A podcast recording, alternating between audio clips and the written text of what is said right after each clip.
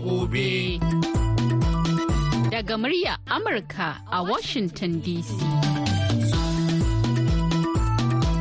Masu sauraron mu Assalamu alaikum barkanmu da wannan lokaci shirin yau da gobe ne kuke saurara daga nan sashen Hausa na murya Amurka a birnin Washington DC. A kan mitoci 25 da 31 da kuma 41. Ana kuma iya kama mu a birnin Yamai na jamhuriyar Nijar a VOA Africa kan mita 200.5 zangon FM. Sai kuma wasu tashoshin na zangon FM a jamhuriyar Nijar ɗin da suka hada da rediyo amfani da sarauniya da kuma niyya. A can kuma si ƙasar Ghana kuma za a iya kama mu ta Alfa Radio. Baya ga haka kuma za a iya ziyartar shafukanmu ta yanar gizo a voahausa.com ko kuma sashen hausa.com. Sunana Zahra Aminu Fage. Yau Alhamis goma sha biyar ga watan Fabrairu na shekarar 2024. Shirin yau da gobe zai leƙa kamaru tare da wakiliyarmu Maimunatu Sadu. Inda a yau shirin zai tattauna akan matsalar 'ya'yan goyo. Sannan za mu leƙa ɓangaren nishaɗinmu baya ga haka kuma za mu leƙa filin girke-girkenmu. Sai a gyara zama a kasance tare da shirin yau da gobe.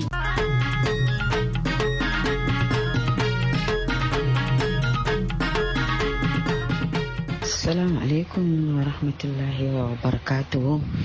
Barka masu sauraronmu fatan kowannen na cikin ƙoshin lafiya. Kamar yadda dai muka saba a ko da yaushe yau shirin yau da gobe. kuma shiri ne wanda yake ɗauke da batu mai mahimmanci a yau batun da da na kawo muku batu ne wanda fi sanin hausa fulani da wannan yanayi na wato ba da goyon 'ya'ya wanda wasu lokuta idan aka yi rashin sa'a yake wato sanya yara cikin rudani cikin wani yanayi. To game da dai da wannan batun dai za mu yi ƙoƙari wato mu tattauna a wannan zaure mai tarin albarka. Malama rahina barka da yau. Kuma kamar yadda dai ne wato game da wannan shimfiɗa da muka san cewa ainihi yara 'ya'yan goyo da dama suna fuskantar ƙalubale da matsaloli iri daban-daban. Shin ya dace wato a ba da goyon 'ya'ya? Saboda abin wato kamar a hausa fulani sun mayar da abin kamar dai wato ƙarfafa alaka ko zumunta. To yaya abin yake? Na'am a'udhu billahi samiu alim minash shaitani rajim. Bismillahir rahmanir rahim. Malama maimuna kin yi tambaya akan cewa ya cancanta a ba da goyo? Tabbas ya cancanta a ba da goyo. Saboda domin me yasa? Saboda musulunci saboda zumunci saboda soyayya tsakanin yan uwa saboda kuma tausayawa saboda kuma taimakawa.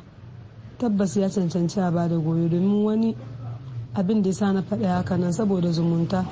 Wata 'yar uwarta ce ko wani dan uwan shi ne gari daban-daban ya ga cewa idan bai ba da goyon ba zumuncin su zai zube. To shi ki an sadar da zumunci wannan ya ɗauko dan wannan wannan ya ɗauko dan wannan. Wata kuma saboda tausayi a ta ga wannan ba ta da kowa yar uwa nan ba ta da ɗa ba ta haihu ba. Shi sa na ɗauki ɗana zan ɗauki ɗana in iya in bayar in na san cewa za ta kula mini da shi. Na uku kuma eh ya cancanci a ba da goyo saboda domin idan na ga cewa gidan da zan ba da goyo in akwai tarbiyya ɗana zai koyo mini tarbiyya ko kuma inda nake ba a tarbiyyan yara. To ya cancanci in ƙaura da wannan ɗan nawa in ba da shi a inda za a goya mini shi ya girma saboda tarbiyyan da yake da shi To, barka da malama Habiba, salamu alaikum. An ce da yawan fada gara yawan gaisuwa ko? To mu sake jaddadawa. To dai kamar na ga kina so ke ma ke yi karin bayani game da ainihi tambayan farko da wa malama Rahina.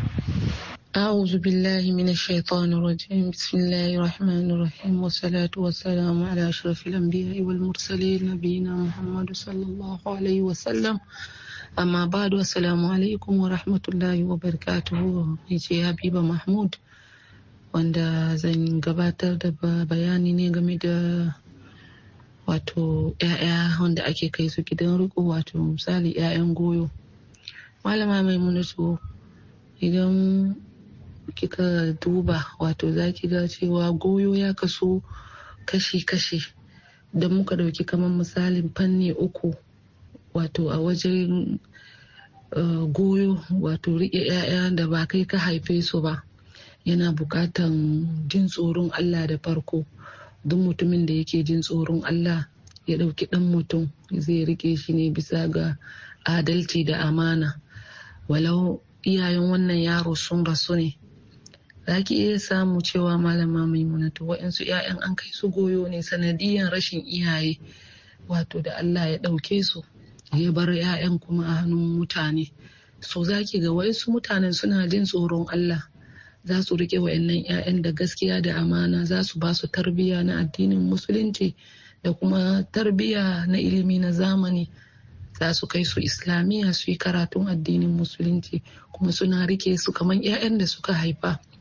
Suna ba su kulawa. Ke ce ma in kika ga 'ya'yan in ba a gaya miki ba sai kice 'ya'yan gidan ne su suka haife su uwa da uba na wannan gidan su suka haife su saboda tsananin jin tsoron Allah. Suna ganin cewa in ba su riƙe wa'annan 'ya'yan ba Allah zai kama su. To wannan fanni ne wato kashi ne na farko game da irin wannan wato fiska da 'ya'yan goyo sukan iya fuskanta.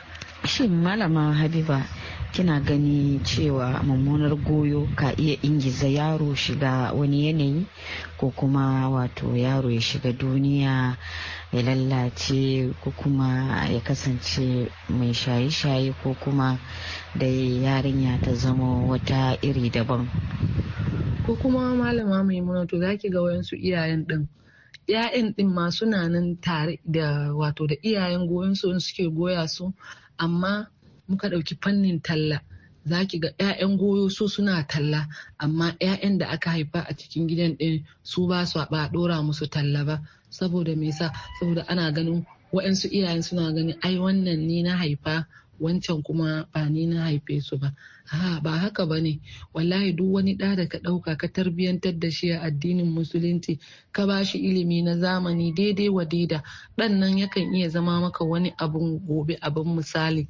Ya zo ya fi maka ma ɗan da ka haifa da yawa mutane ba su gane wannan. Zaki ga in kina nan a zaune a cikin gida misalin kamar mutanen da suke zama a gidan yawa hakan nan to in kika duba gidan yawan nan akwai 'ya'yan da ake goyawa wanda mai goya sun ba ita ta haife su ba. Sai ki dinga lura wato ki dinga ganin tarbiyyan din nasu daban-daban ne da 'ya'yan cikin su. Idan sutura ne za a yi musu wayansu 'ya'yan ki ga ana yi musu sutura daban da na 'ya'yan cikin ka. So wannan duk bai dace ba. Ko kuma ki ga ita ta yi abu da ba ke kika haife ta ba ki dinga yi mata tana mata tsawa tana mata tsawa don bai ta haife ta ba tana faɗan waɗansu maganganu da bayi da daɗi bayi da wato mutunci. Duk kowace uwa idan ta ji wannan matukan ita da za ce ita ta haifi wannan yar ake mata wannan wulakanci ba za ta so ba. So ki ga makwabtai su yi ƙoƙarin neman su gyara wannan abubuwa amma sai ki ga ba su iya ba don me yasa suna jin tsoro ba ba hakkin mu ba ne so ita kuma wannan matan take goya yarinyan ko yaro ko kuma yara ba ta jin tsoron Allah ta ɗauka a ranta cewa tun da ba ni na haife ki ba ai zan iya wulaƙanta ki in cutar da ke. Shine yake sa wa yansu ƴaƴan ki ga sun shiga wani hali sun ma fada hanyar yawo sun fada hanyar shiga duniya su ce to tun da ba ke ita ta haife ni ba kuma tana wulaƙanta ni to bari in shiga duniya ko me ma a yi. To wayanda suke da hankali kuma za su koma gidan iyayensu ne. To a nan sai ji an ce an raba zumunta. Amma ba a yin bincike a san me yasa hakan. Tun malama rahina ke kina gani cewa kamar duk goyon da aka ba da ake cimma nasara? Saboda kamar yadda ainihin kika ce eh, goyo idan aka ba da goyo ina iya ƙarfafa zumunci yana ƙarfafa dangantaka da alaka kuma yana ƙara ƙauna da soyayya da jin kai to shin kina gani cewa duk goyon da aka ba da ake wato samun eh, eh, mafita a ciki ko kuma ake samun jin daɗi? A zamanin yanzu nan wallahi bai cancanci a ba da goyo ba. Saboda domin idan aka duba irin tsananin rayuwa da ake ciki da irin halayya yau ke za a baki goyon ɗa. Idan aka baka goyon ɗa iyayen nan kuma suna saka maka ido akan wannan goyon da kake maɗa suna kaman wato shishigi tsakaninka da ɗan. Ke kina iya ƙoƙarin ka ba ma wannan ɗan tarbiyya amma iyaye na ganin kamar ana musguna musu. Wa'yansu kuma ɗan wa'yansu kuma iyayen za a ɗauki ɗan a bayar goyo. Ɗan nan ya zama shine agolan gida. Duk shine wato bawan gida. Duk wani abin da za yi yana ganin bambanci iri ɗari ɗaya babu. Yana ganin tashin hankali har a hana ɗan nan makaranta. A hana shi she 'yan gida sun ci abinci tukunan shi za a bashi to irin abubuwa haka na faruwa. To shi sa kika gani galibi wani suka ce gara su riƙe goyon su. In ma taimakawa ne a taimaka maka. Da ɗanka yana nan a gabanka. Domin shi ne fi mafi dacewa da ka ɗauki ɗanka bayar ya so mu guje-guje ya so ma gasuwa ana bulakanta shi ana musguna mai ana tada hankali a kai na ga shine sabanin cewa galibi suke ganin cewa gara ka a ba da wannan goyon a riƙe wannan dan dan ya zama ya zauna a gaban iyayensa a taimaka masa yana nan a gaban iyayensa Masu sauraron mu har yanzu dai kuna tare ne da sashen Hausa na murya Amurka a cikin shirin yau da gobe. Karkashin zuciya ne mai daɗi, ba mai daɗi, ba mai daɗi.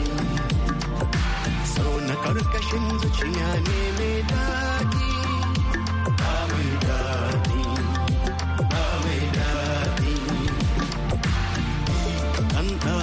albarka, albarkar.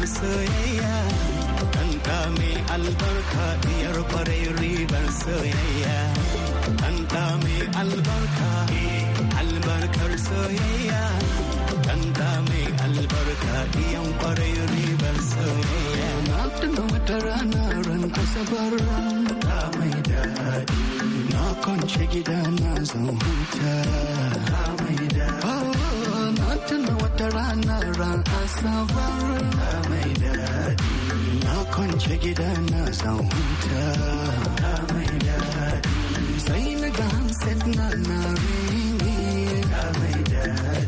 Na ɗauka sai na ji abba da ummi na suna mini allabi shiru na samu karuwa an haifa min da mai daɗi. To yanzu kuma bari mu koma zauren namu domin jin ci gaban tattaunawar. To barka malama rahama. Wayanci da yawan fada gara kuma yawan gaisuwa dai. Kamar yadda dai muke tattaunawa akan wannan batun kuma kasancewanki shidar ganau da jiyo. Abin ya taɓa faruwa a gabanki kuma har aka kai ga hukuma wanda ainihi muka fi sani a nan ƙasar kamaru da ake cewa service social wato ainihin ofishin kula da zamantakewa da kuma ƙananan yara.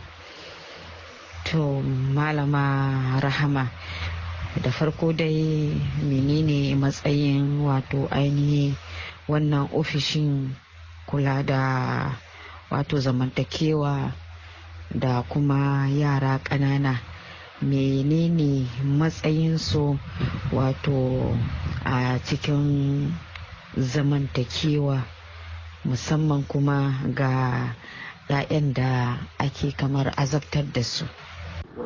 To an sha Allah da zan kawo ɗan ƙarin bayani a wannan tambaya da da kika yi farafor da yadda mm, matakin gwamnati matakin gwamnati.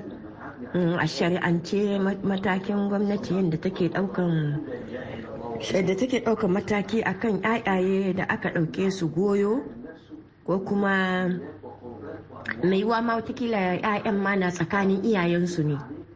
Yawa to wanda ya kai ƙara misali a ce mata da miji ne to sun samu ɗan tashin hankali babu jituwa. To 'ya'ya sun taɓu akan maganan tashin hankalin nasu. 'ya'ya sun samu suma taɓuwa wato rashin jin daɗi. To wanda dai ya kai ƙara abin da dai mataki farko da suke ɗauka shine idan in ke ce uwa kika fara kai ƙara to za nemi mijinki za nemi mijinki shi ma a kira shi. Bayan an kira shi ya zo shi ma a ji irin ya nasa jita-jitan din me yake faruwa tsakanin shi miji da matansa ko kuma a ce mata da mijinta mai ike gudanawa har ya kasance yara sun samu rashin nutsuwa da kwanciyar hankali. To a nan aka ji shashi biyu. To sai a sai su tsaya tukuna a nan. To yanzu kuma su me za su yi? She su ɗauki lokacin da za su zo su yi anket. She su nemi lokacin da za su zo su yi anket a gida. Yawwa za a kira ku a ce muku to a za a fara tambayan kuma a ce a ina gidanku yake haka haka. Ko kam za ku ba sai dai kawai ku ga an muku saukan lema. Problem dai ɗayan ba ta da ku ba ma aka tarar da ɗaya daga cikin ku ku biyun nan to insha Allah za a duba yanayin rayuwanku. To malama rahama wato kina gani har wato idan ba a samu matsaya ɗaya game da ainihin iyayen da suke goya wa'annan 'ya'yan ba ko tsakanin ko da ma wato iyayen ne suke azabtarwa ko kuma kamar yadda wasu lokutan ɗin zaki gani wannan uwar ta fita daga wannan gidan ɗin amma kuma matar baba ce take zaune da wa'annan 'ya'yan ɗin kuma take azabtar da su take wulaƙanta su. To wato kina gani kamar idan wato har wa'annan mutanen ko kuma na ce ainihin ofishin kula da zamantakewa da kuma ƙananan yara idan wato suka lura suka ga cewa wa'annan 'ya'yan ba a ba su kulawa suna cikin wani yanayi to suna iya su raba wa'annan wato 'ya'yan da iyayensu To, kin gani wannan a gaskiya su a nan ba su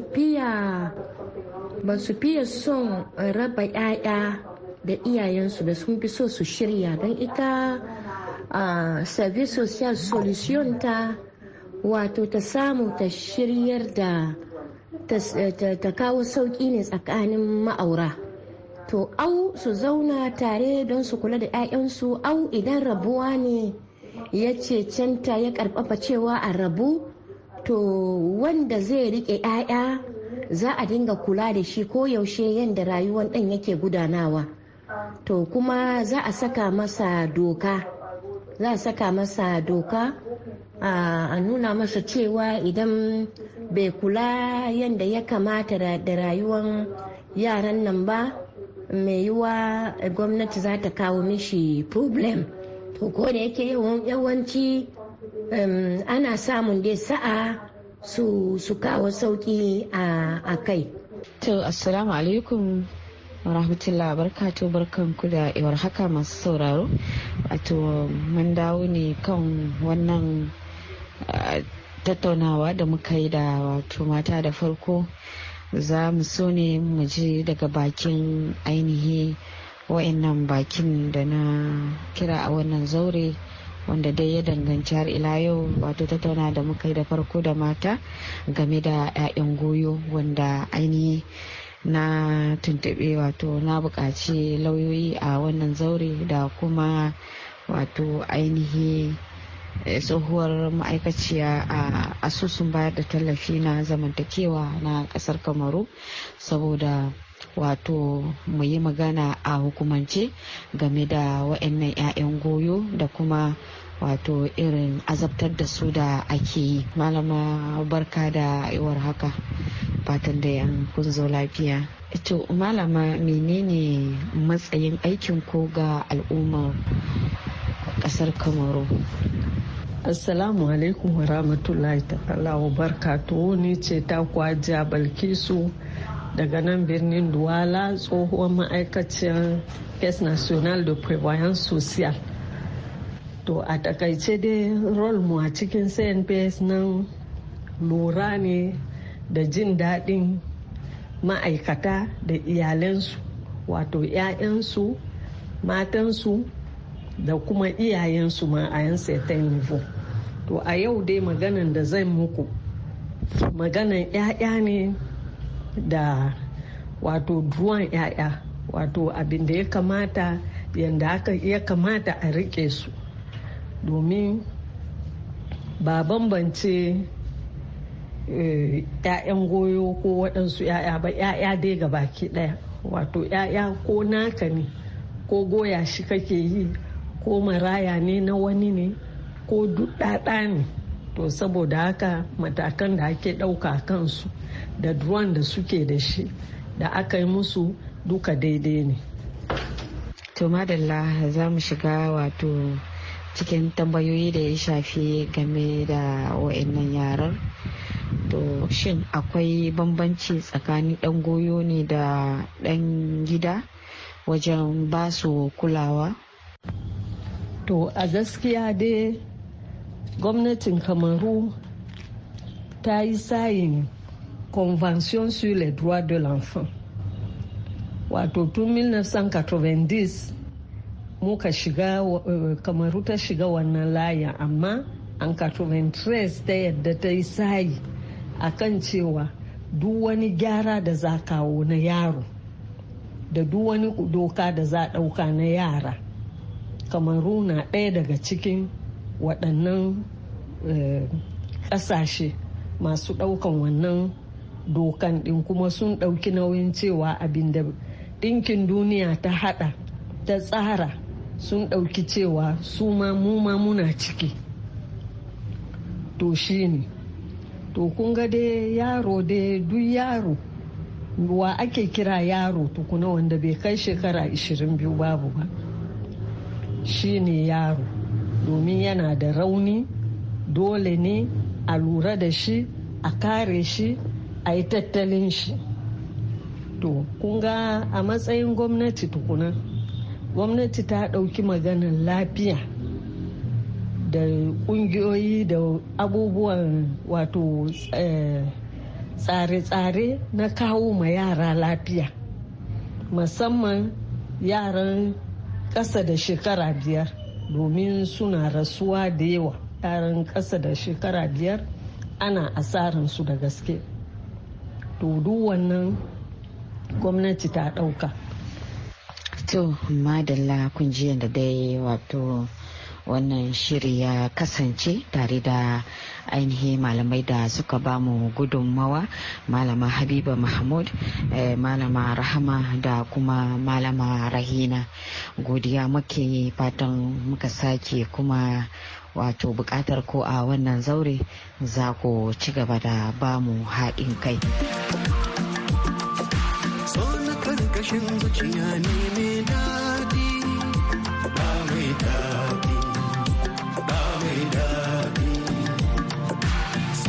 ƙarƙashin zuciya ne mai daɗi ba mai daɗi ba mai daɗi. Ɗanɗa mai albarka albarkar soyayya. Ɗanɗa mai albarka iyar ƙwarai ribar soyayya. Ɗanɗa mai albarka albarkar soyayya. Ɗanɗa mai albarka iyan ƙwarai ribar soyayya. Ranar na san na zama ɗan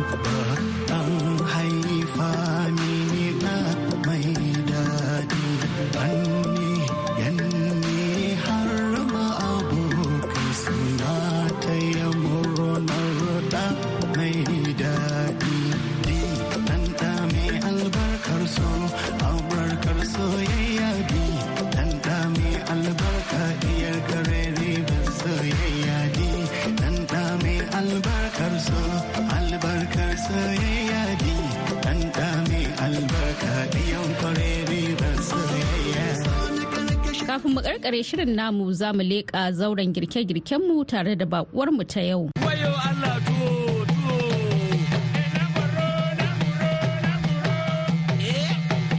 Salam alaikum. Ni ce wanda ake kira Madan Vivi Keniya. Eh za mu yi yau bayani bisa kan abinci na girke-girke bisa kan miya ta alihu da ake yi in sa ka yi miya ta alihu kana samu alihunka mai kyau ka samo tomat ɗanyi ka sami tumatir na konko albasa ta hornuwa attarugu da seleri kayan yaji su kuwavur mai da man sha da agusi sai ka samu wannan. Yanzu lokacin da zaka fara sai ka wanke naman ka ka daka tafarnuwa da tarugu da fesa da seleri da kuwa in wannan ka cakuye naman ka da kyau sannan ka cakula su a ƙasa. In ka cakula sannan ka aza tukunya ka yanzu ka aza tukunya kai ka zuba wannan naman.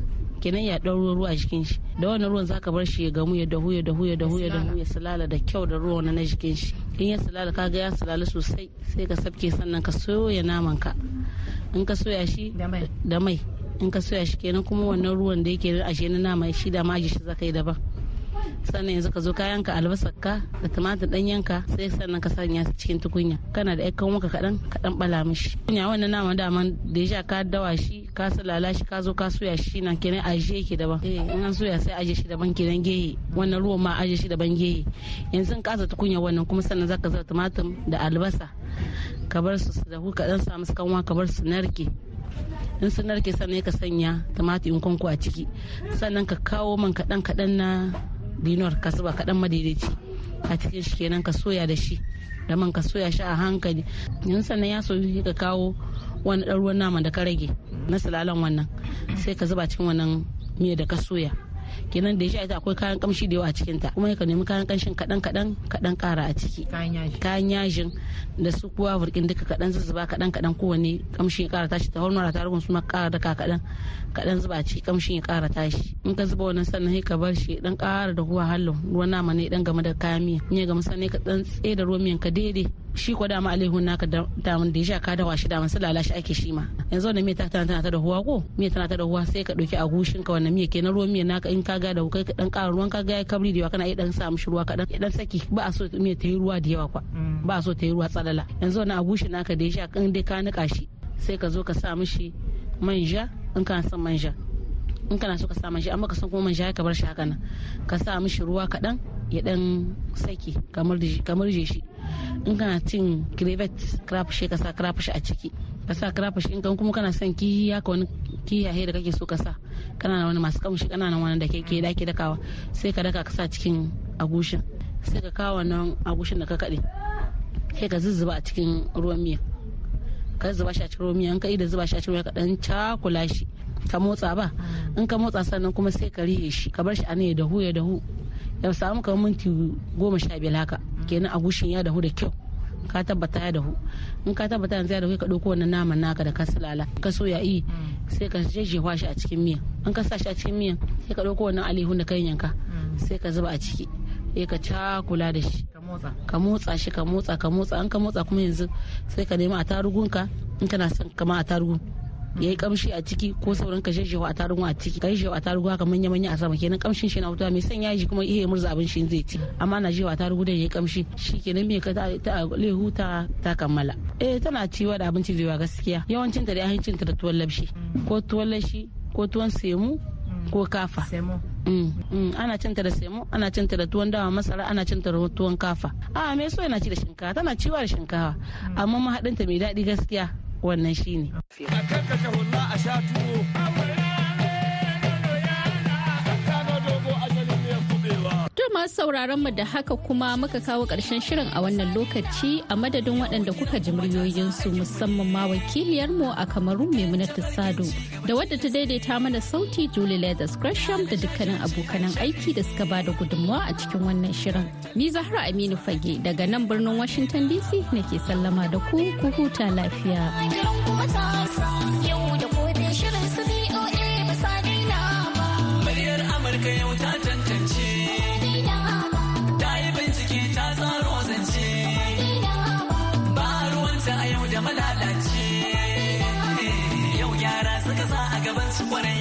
Ƙwarai ba